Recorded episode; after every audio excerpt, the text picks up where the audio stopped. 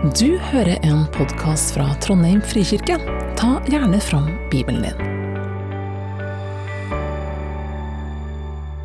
Ja, vanligvis så har vi jo eh, Noas ark under eh, talen og siste del av gudstjenesten. I dag er det jo ikke det, men her borte er det nå et tegnebord, så alle barn som har lyst til å sitte der og tegne mens jeg skal snakke litt til de voksne, kan jo bare foreldre bli med også hvis dere vil, eller dere gjør sånn som dere syns er enklest. Men uh, der er i alle fall tegneark og tegneutstyr der borte nå.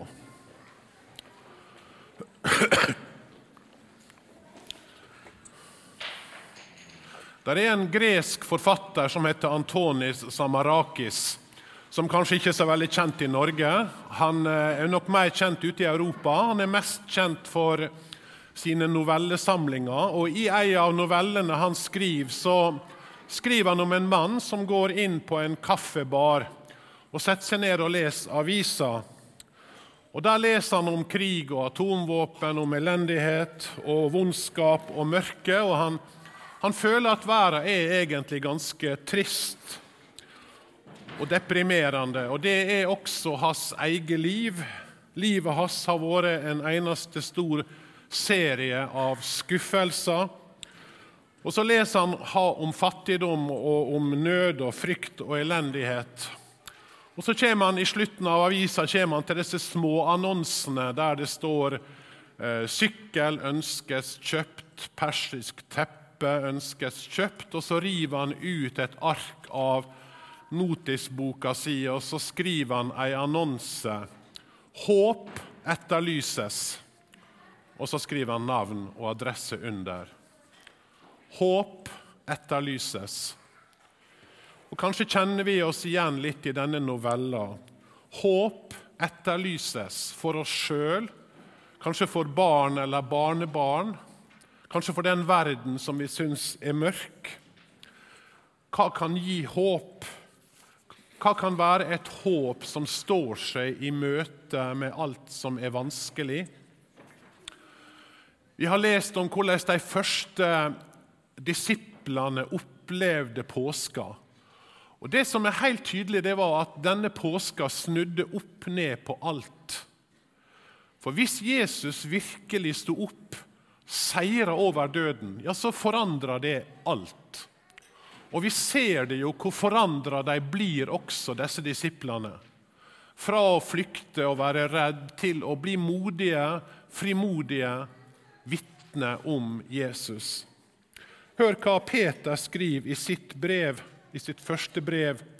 Lovet være Gud, vår Herre Jesu Kristi Far, Han som i sin rike miskunn har født oss på ny til et levende håp ved Jesu Kristi oppstandelse fra de døde. Han har gitt oss et levende håp, sier Peter. Og Vi var der, og vi så, og vi har erfart. Og så fortsetter han Derfor kan dere juble av glede, selv om dere nå en kort tid, om så må være, har det tungt i mange slags prøvelser. Dette håpet forandrer alt, sier Peter. Til og med så dere kan glede dere, om dere så i en kortere eller lengre tid må ha det tungt i mange slags prøvelser. Så stor forandring betydde Jesu oppstandelse. Jeg vet ikke hva du håper på.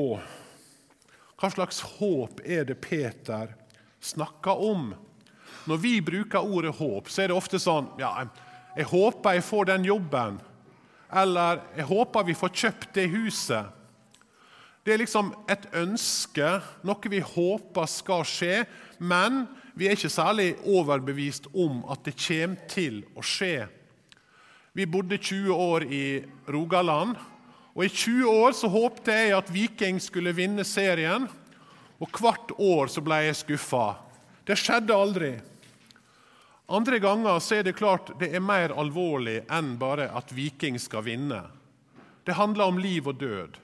Jeg håper han blir frisk. Jeg håper det ikke er kreft. Jeg håper hun kommer tilbake. Men så er det jo slik da i livet at Om ikke det er kreft, ja, så er det kanskje noe annet. Alt vi håper på, vil jo til slutt skuffe oss. Alle ting og alle situasjoner. Og spørsmålet som jeg tror både vi og mange stiller oss, er det et djupere håp?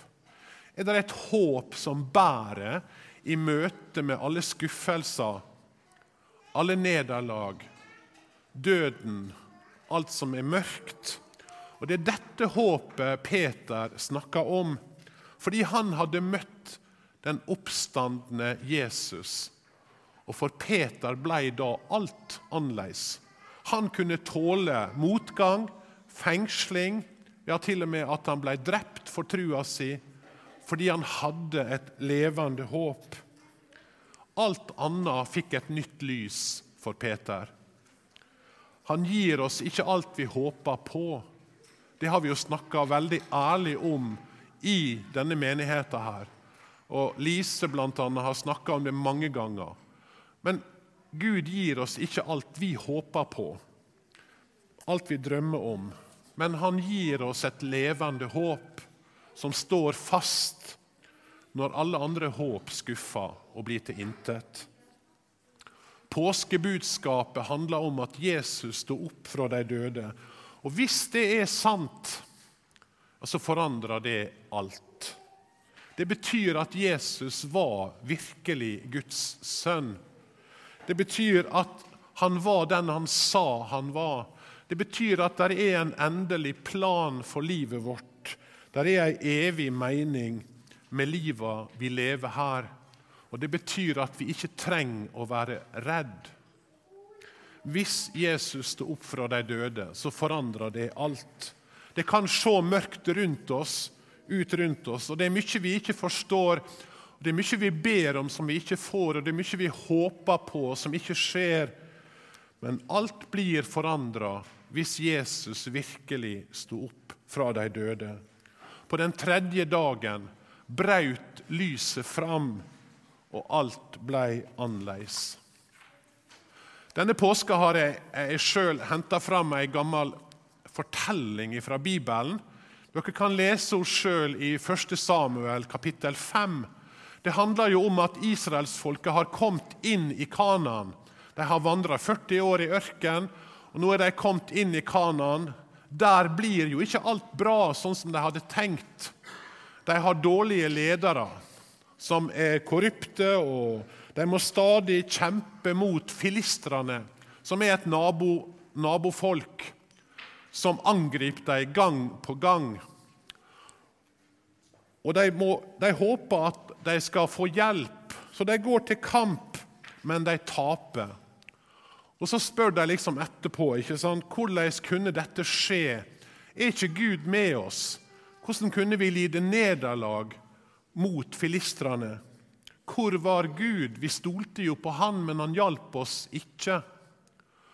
Så er det som om de kommer på en genial plan, en kjempesmart plan de sier til seg sjøl vi tar med oss paktkista neste gang vi skal gå til kamp mot filistrene. Paktkista det var jo denne kista med to kjeruber. Nede i denne kista så lå steintavlene som Moses hadde fått.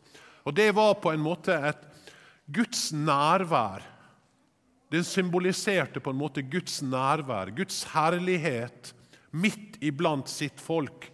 Så de tenkte tar vi denne paktkista med oss inn i krigen, så er det jo som om vi tar Gud med. Og da kan det jo ikke gå galt. Denne gangen skal vi bruke vårt hemmelige våpen. Gud vil jo ikke la filistrerne erobre hans paktkiste. Det vil jo være som om de erobrer Gud. Så da må jo Gud gi oss det vi håper på. Og så kjemper de på nytt mot filistrene, og det går skikkelig galt. De mister sju ganger så mange eh, krigere som de gjorde i den første kampen. Og paktkista blir erobra av filistrene. Det utenkelige skjer. Presten Eli dør. Hans to sønner dør. Svigerdattera eh, dør, men før hun dør, så føder hun en gutt.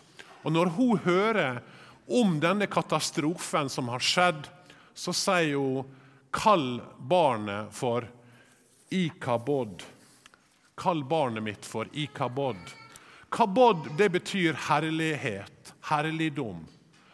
Og Hvis du setter en i foran, så er det jo sånn som når vi setter en u foran våre ord. Det blir et negativt ord. Så når hun sier 'kall sønnen for Ikabod', så betyr det ingen herlighet. Herligheta, herligdommen, er borte. Og Det er som hun på en måte sier alt er tapt. Hele greia var visst bare en drøm. Moses vandra rundt i ørkenen bare i villska. Abraham tok feil. Der er ingen Gud. Livet er meningsløst. Og sønnen kan like gjerne få vite det når han vokser opp. Ikabod, Guds herligdom, er borte fra oss. Men nå blir det interessant i denne fortellinga. Fordi når filistrerne har erobra paktkista, så begynner Gud å gjøre noe som folket sjøl aldri hadde klart. De tar med seg paktkista til en by som heter Ashdod.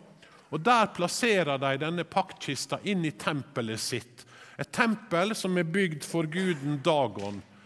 Deres gud, Dagon, hadde på en måte seira.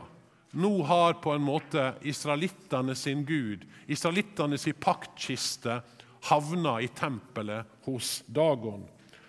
Og De feirer at Dagon har seira over Israels Gud. Og De jubler, og de går hjem om kvelden.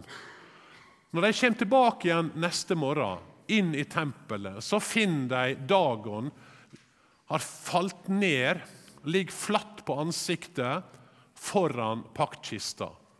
Det står ikke hva de tenkte, men de må sikkert ha tenkt det må nå bare være en tilfeldighet. Men det synes jo tilfeldig, det synes jo mistenkelig som om Dagon bøyer seg for Israels Gud. Men de reiser Dagon opp igjen, og de feirer og de synger og de jubler over at de har seira. Og Så slukker de lyset, og så går de hjem igjen, og så kommer de tilbake neste morgen. Og Da ligger Dagon knust, hendene, hodet avkappa foran paktkista. Teksten forteller ikke hva som skjedde der i tempelet denne natta, men Bibelen snakker om ei tredags fortelling. Den første dagen den er mørk. Det ser ut som om Guds, Israels Gud er beseira. Det ser ut som om herligdommen er borte. I kabod. Alt er mørkt, og det ser ut som om alt er tapt. Og Noen dager er jo sånn for oss og for Israel. Så er det den andre dagen. Den andre dagen er det mørkt, men det virker som det foregår en kamp denne mørke andre dag. En skjult kamp som en ikke ser.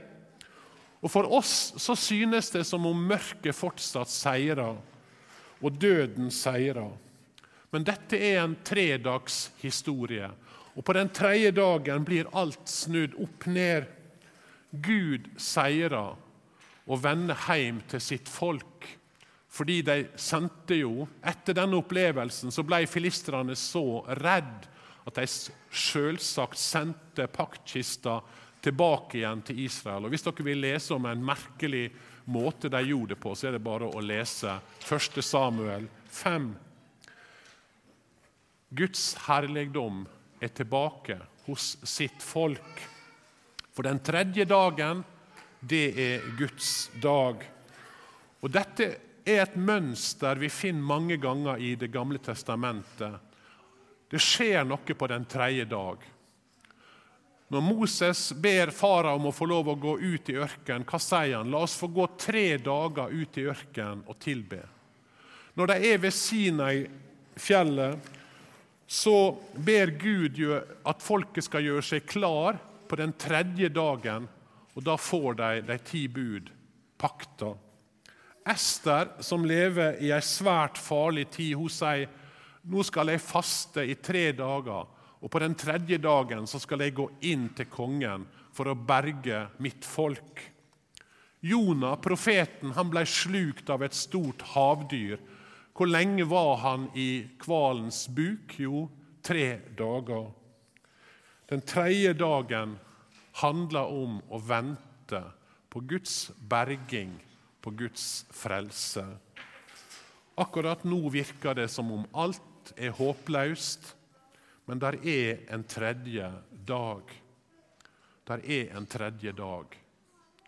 Profeten Hosea han kaller folket til å vende seg til Gud. Og Da sier han, 'Kom, la oss vende om til Herren.' For han rev i stykker, men vil helbrede oss. Han slo, men vil forbinde oss. Han gjør oss levende etter to dager. Den tredje dagen reiser han oss opp, så vi kan leve for hans ansikt. På den tredje dagen, det er Guds dag. Jesus kom hit til jord. Ordet blei menneske og tok bolig blant oss. Og Johannes skriver at vi så hans herligdom, en herlighet som den enbårne sønn har fra sin far, full av nåde og sannhet. Vi så hans herligdom, vi så hans kabod. Og det var en annen slags herligdom. Det var ikke med makt og med kraft og med våpen Jesus seira. Han kom ydmyk han kom full av tjeneste. Han kom i all enkelhet. Men det virker som om herligheten er borte denne påska. Han ble hengt på et kors og lagt i ei grav. Det er den første dagen.